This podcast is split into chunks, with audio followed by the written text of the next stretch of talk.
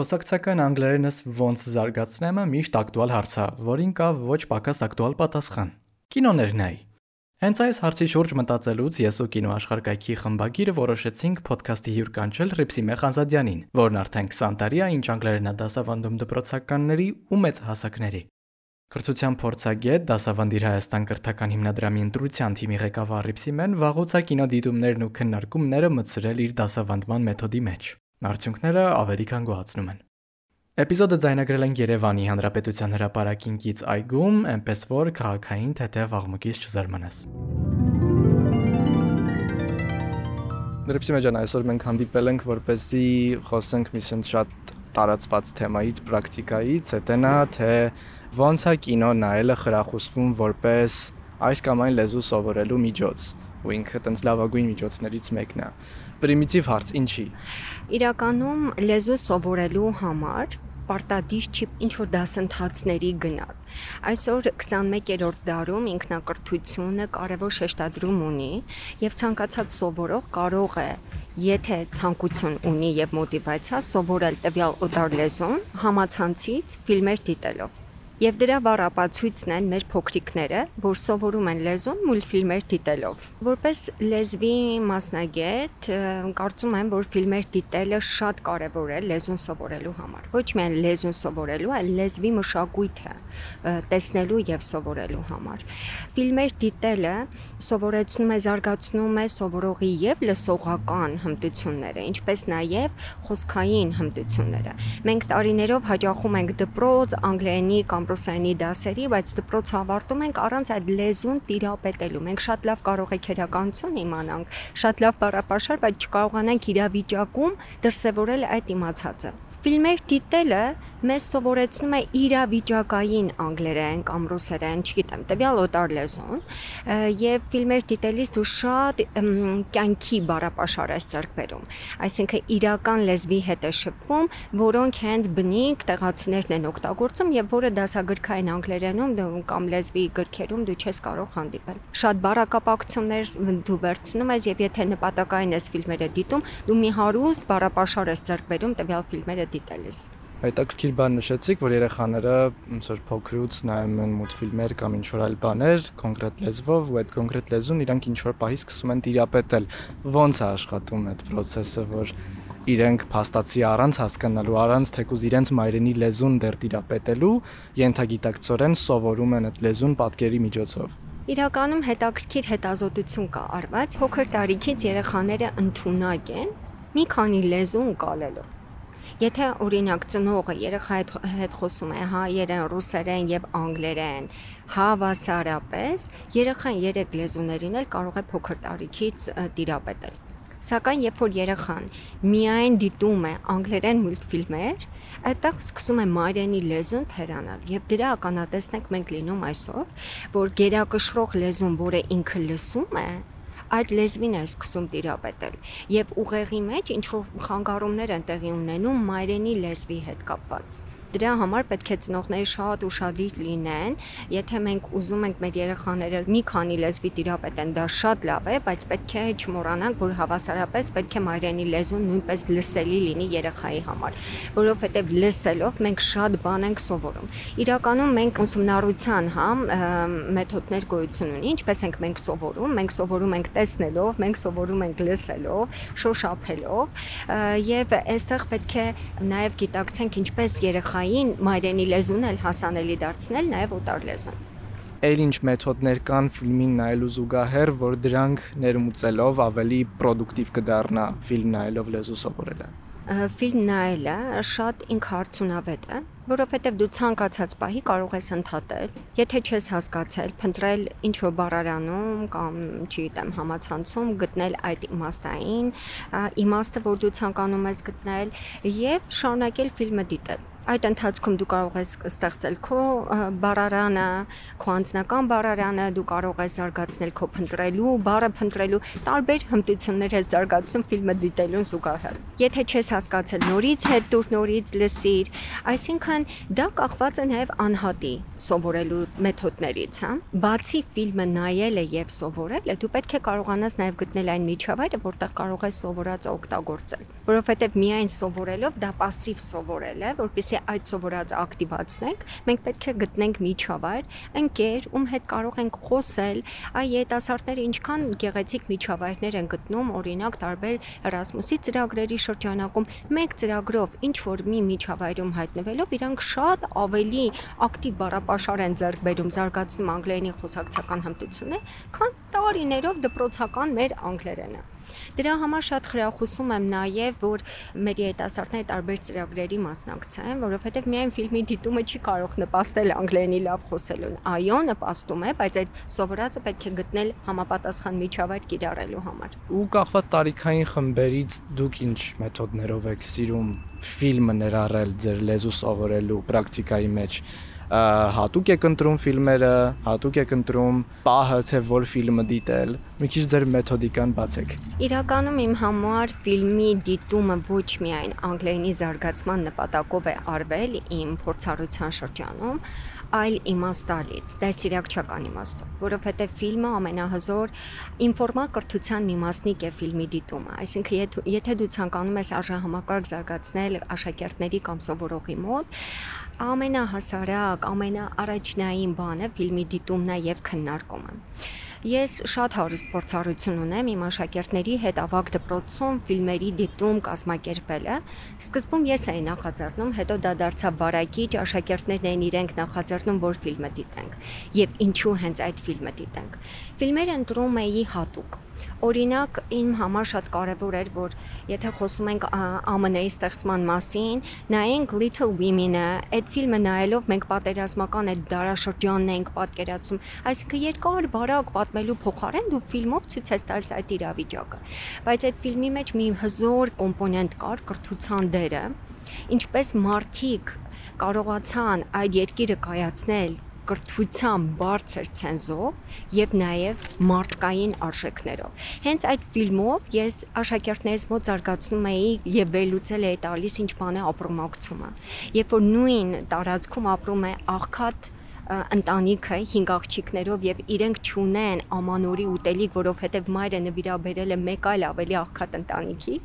եւ մեկ հարուստ ընտանիք, որ իր ամանորի ամբողջ այդ ճաշացանկը բերում նվիրաբերում է այդ այդտեղ ես փորձում էի իմ հարցադրումներով աշակերտների մոտ քննադատական մտածողությունը զարգացնել, ապրոմակցումը մարդկային որակները եւ ինչքան կարեւոր է հասնել կապ չունի դու ինչ սոցիալական պայմաններում ես կրթությունը կարևոր դերակատարում ունի քո անձնային աճի վրա շատ-շատ ֆիլմերի մեծ բան կլասիկ ֆիլմերին է մեծ ընտրություն տվել օրինակ Jane Austen-ի Pride and Prejudice-ը նորից կրթության վրա շեշտադրում անելով եւ այդ կարծրատիպերը կոտրելուն Jane Eyre-ը շատ են քննարկել մեկ ուսուցչի դերակատարումը նաեւ ինչպես կարող է փոխել կամ որ երեխան ինչպես կարող է հասնել ինչ որ մի կետի նպատակներ սահմանելը եւ հա, հաստատակամ քայլեր անելը բայց ամենաազդեցիկ ֆիլմը որ ունեցել եմ իմ ուսումնառության իմ փորձառության շրջանում դա եղել է Dead Poets Society Ռոբին Ուիլյամսին որը իմ աշակերտներից մեկը խորհուրդ տվեց նայել շատ կարևոր է երբ որ դու լսում ես աշակերտի ճաշակը դու հասնում ես նախ դրան որ աշակերտները նաև ֆիլմերի այդ մեծ ընտրանում մեջ իրենք ընտրեն որակյալ ֆիլմ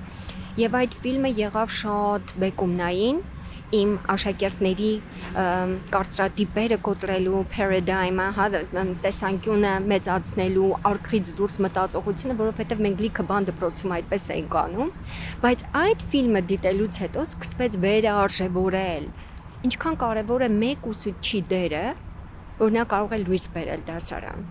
ինչպես կարող է այլ տեսանկյունից սովորեցնել գրականության նկատմամբ սերը։ Մենք այսօր խոսում ենք աշակերտները չեն կարդում եւ այլն, իսկ ինչու չեն կարդում։ Միգուցե մեր մեթոդները հնացել են եւ պետք է գտնենք օրինակելի մեթոդներ կամ հենց հասկանանք աշակերտների ինչ են ուզում անել։ Եվ այս ֆիլմում ուսուցիչը ընդամենը սովորեցնում է իրեն սիրել, սիրել պոեզիան, պոեզիան արտասանել ոչ թե անգիրարած, այլ զգալով։ Այստեղ մի ամբողջ արժե համակարգ է զարգացնում այս ֆիլմը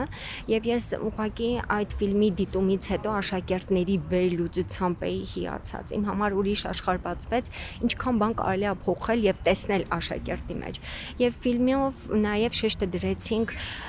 որ կրթությունը լույս է մենք չենք կարող ունենալ այն հասարակությունը, որ ուզում ենք այսօր ուժեղ հասարակություն ունենալ, դգետ հասարակություն չի կարող ուժեղ լինել։ Եվ այդտեղ մի հզոր արտահայտություն կա, որը իմ սիրելի արտահայտություններից մեկն է, Carpe Diem, բռնիր պահը կյանքը ամբողջը պահերից է։ Եթե մենք ասում ենք կրթությունը երջանկություն է, դա չի նշանակում, որ կրթված մարդը միշտ երջանիկ է, բայց կրթված մարդը գտնում է այն պահը, որ ինքը կարող է երջանիկ լինել եւ գնահատել այդ պահը տարբեր ֆիլմեր տարբեր իմաստներ ունեն, դուք արդեն ասացիք, մեկը բարդ, մյուսը ավելի բարդ, բազմաշերտ ու դրանց շուրջ արդեն քննարկում ձևավորելը ու էլի դա անել անգլերեն սկզբնականում ենթադրում եմ որ լեզվի տարբեր մակարդակ ունեցող աշակերտների մոտ դժվար է տրվում կան ինչ որ համոզելու մեթոդներ թե ոնց մարդը սկսի խոսել ու չհամաչել կիսատ կամ նոր սովորած լեզվից։ Շատ լավ հարց եք տալիս այդ խնդիրը կա մեր դասարանային միջավայրում։ Այդ էր պատճառը, որ ես շատ հաճախ իմ աշակերտներին հանում եի դասարանային միջավայրից։ Եթե ես քննարկում պիտի անեի ֆիլմի կամ ինչ որ մի գրքի, անպայման դրսում էի անում, բնության գրկում, ոչ ֆորմալ միջավայրում, որտեղ մենք նստում ենք խոտերի վրա, հետաքրքիր բան է, երբ որ դու հանում ես դասարանային միջավայրից աշակերտին, վախեր են կոտրվում Մյուս կարևոր բանը ես շատ համագործակցում եմ ամերիկյան անկյան հետ, հրաշալի հնարավորություն է թե ֆիլմի դիտման եւ թե ֆիլմի քննարկման։ Դու այդտեղ ստեղծում ես այն միջավայրը, որ աշակերտը չի վախենում սխալ խոսելուց Մեր հիմնական կարծրատիպը տվյալ լեզվով խոսելու վախերն են։ Իսկ եթե դու հասնում ես նրան, որ դու պիտի ֆիլմը նայես եւ քննարկես, դու չես կարող սխալներ ուղղել։ Դու պետք է ստեղծես այն միջավայրը, որտեղ սովորողը ինքը անվախ, ինքը կարևոր է իր կարծիքը համարում եւ ուզում է որ իրան լսեն։ Իր կարծիքը պետք է այդ միջավայրում լսելի լինի եւ դա կարեւոր չի ինչ կոտրված անգլերենով է, թե սխալներով է։ Եվ դու քո աչքի առաջ տեսնում ես մեկ ֆիլմի քննարկումից մյուս ֆիլմի քննարկումը ինչպիսի կարծրատիպեր են կոտրում, ինչպիսի բախեր են դուրս գալիս եւ տեսնում ես քո աշակերտների աճը։ Միջավայրը շատ կարևոր է լեզվի սովորելու համար եւ ուստի ես խրախուսում եմ մեր լեզվի ուսուցիչներին շատ տարբեր միջավայրերում քննարկումները անել։ Քննարկումները անելու համար շատ կարևոր են նորմերը։ Կարևոր է միջավայրը աթոռների ձևավորումը, ինչպես ենք դնում շրջանաձև ես դնում, պետք է այնպես հավասար միջավայր լինի, որտեղ բոլորը ուզենան կարծիք արտահայտել, որովհետեւ հաստատ ամեն մեկ այդ ֆիլմը իր ընկալման ձևով է, իր ընկալման աստիճան բանն ունի ֆիլմի եւ դու պարտավոր ես որպես այդ միջավայրը ստեղծող լսել բոլորի կարծիքը որpիսի հաջորդ ֆիլմի քննարկման ժամանակ դու ավելի արդյունավետ քննարկում ունենաս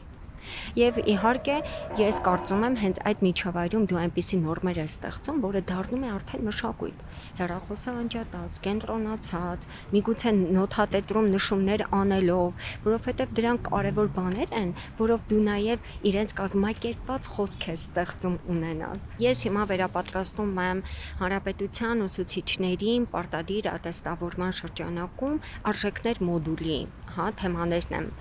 դասընթացներն եմ վարում ուսուցիչների հետ տարբեր մարզերում եւ ես հասկացա, որ իմ մոդուլի մեջ մի բան է պակաս։ Ֆիլմ որ պետք է իմ բարերի փոխարեն, երբ որ ես խոսում եմ ուսուցչի դերի եւ արժեքահեն կրթության մասին, պետք է տեսանելի լինի այն ինչ որ ես ուզում եմ եւ վերցրեցի իմ ամենաազդեցիկ ֆիլմերից մեկը, հայկական ֆիլմերից Կորած օրագիրը, որտեղ ուսուցիչը ինքը պարտադրում է աշակերտներին, որ գրեն իր մասին ամենասիրելի ուսուցիչը։ Երկու հարցադրում եմ ունենում ուսուցիչներին, ինչպեսի վարքագիծ է դրսևորում ուսուցիչը, ուղակի գրեն այն վարքագիծը, որ իրենք տեսնում են եւ ինչպիսի վարքագիծ են դրսեւորում աշակերտները։ Շատ հետաքրքիր է այն վարքագիծը, որ աշակերտները ունեն, ամեն մեկը չի կանգնում ոտքի եւ խոսում, որ դուք չեք կարող մեզ ստիպել, ձեզ նկարագրել, որովհետեւ մենք շատ սիրելի ուսուցիչներ ունենք։ Եվ հետաքրքիր է, որ այդ դասարանային միջավայրը նաեւ մեր հասարակությանն է բնութագրում որ ամեն մեկը չկարող է դու համաձայն չես այդ միջավայրի հետ, բայց դու ունես քո անձնական մոտեցումը։ Եթե ես խոսեմ, ես կարմիր դիպլոմից կընկնեմ, եթե ես խոսեմ, քննությունից չեմ ստանա։ Ես կոնֆլիկտ կունենամ այս ուսուցչի հետ։ Եվ հետաքրքիր քննարկում է ծավալվում ուսուցիչների մոտ։ Ես հենց ֆիլմի դիտումով ուզում եմ, որ իրենք հասկանան, ինչպես կարող է անգիտակցաբար ուսուցչի Միքայելը տանի այնպիսի միջավայրի, որ մենք ունենանք օրինակ ճնշված հասարակություն, ճնշված միջավայր կամ ընդհակառակը բաց, ընկալող, քննադատությանը պատրաստ, նաև կառուցողական քննադատություն մոտեցնող, հա, բարձրաձայնող աշակերտներ։ Այսինքն այդ ֆիլմի դիտումով ես շատ լուրջ քննարկում քննարկման եմ հասնում, քան թե պետք է պրեզենտացիայով լեկցիաներ կարդամ, այլ ստիպում եմ, որ իրենք գան այն եզրահանգման, որին ես ուզում եմ բերել։ Իսկ լինում է, որ եզրահանգումը, որին ուզում եք որ կան, մի քիչ ուշանա։ Այո, իհարկե լինում է բարդ է խոսել արժեքների մասին, մանավանդ արժեքները կրթության մեջ որովհետև շատ հաճախ մենք կրթություն միայն գիտելիք ենք պատկերացնում։ Իսկ գիտելիքը դա ամեն ինչ չէ։ Դու կարող ես կոնկրետ անգլերենում ամենավառ օրինակը 12 տարի երեխան անգլերեն սովորում է, չի կարողանում խոսել։ Այդ գիտելիքը առանց հմտության ինքը բոբիկ է, հա։ Եվ ես սիրում եմ այս խոսքերը, որ կրթությունը առանց արժեքների ինքը կաղ է։ Իսկ արժեքները առանց կրթության գույր է Այսինքն մենք պիտի գիտակցենք ամեն ինչի մեջ իմաստ տնենք։ Պատմության դասերին, երկար լեկցիաների փոխարեն կարելի է մեկ ֆիլմ դիտել եւ աշակերտների հետ քննարկել, ուզում ենք հայրենասեր հասարակություն, ուրեմն իմաստային ֆիլմեր դիտենք, բայց որpիսի այդ կետին հասնենք, մենք մենք ուսուցիչներս պետք է դա գիտակցենք, որ կրթել նշանակում է բարձրացնել, կրթել նշանակում է աճեցնել, ուղղորդել, առաջնորդել ոչ թե միայն գիտելիք լցնել։ Իսկ յուրաքանչյուր սովորող աշակերտ ունի իր տաղանդները ֆիլմերից ենք խոսում, ես շատ հաճախ եւ իմ աշակերտներին եւ ուսուցիչներին եւ քանի որ դասավանդիր Հայաստանում եմ հենց երիտասարդ սկսնակ ուսուցիչներն եմ միշտ այդ ֆիլմը խորհուրդ տալիս դիտել, աստղիկները երկրի վրա, ինչպես է մեկ ուսուցիչը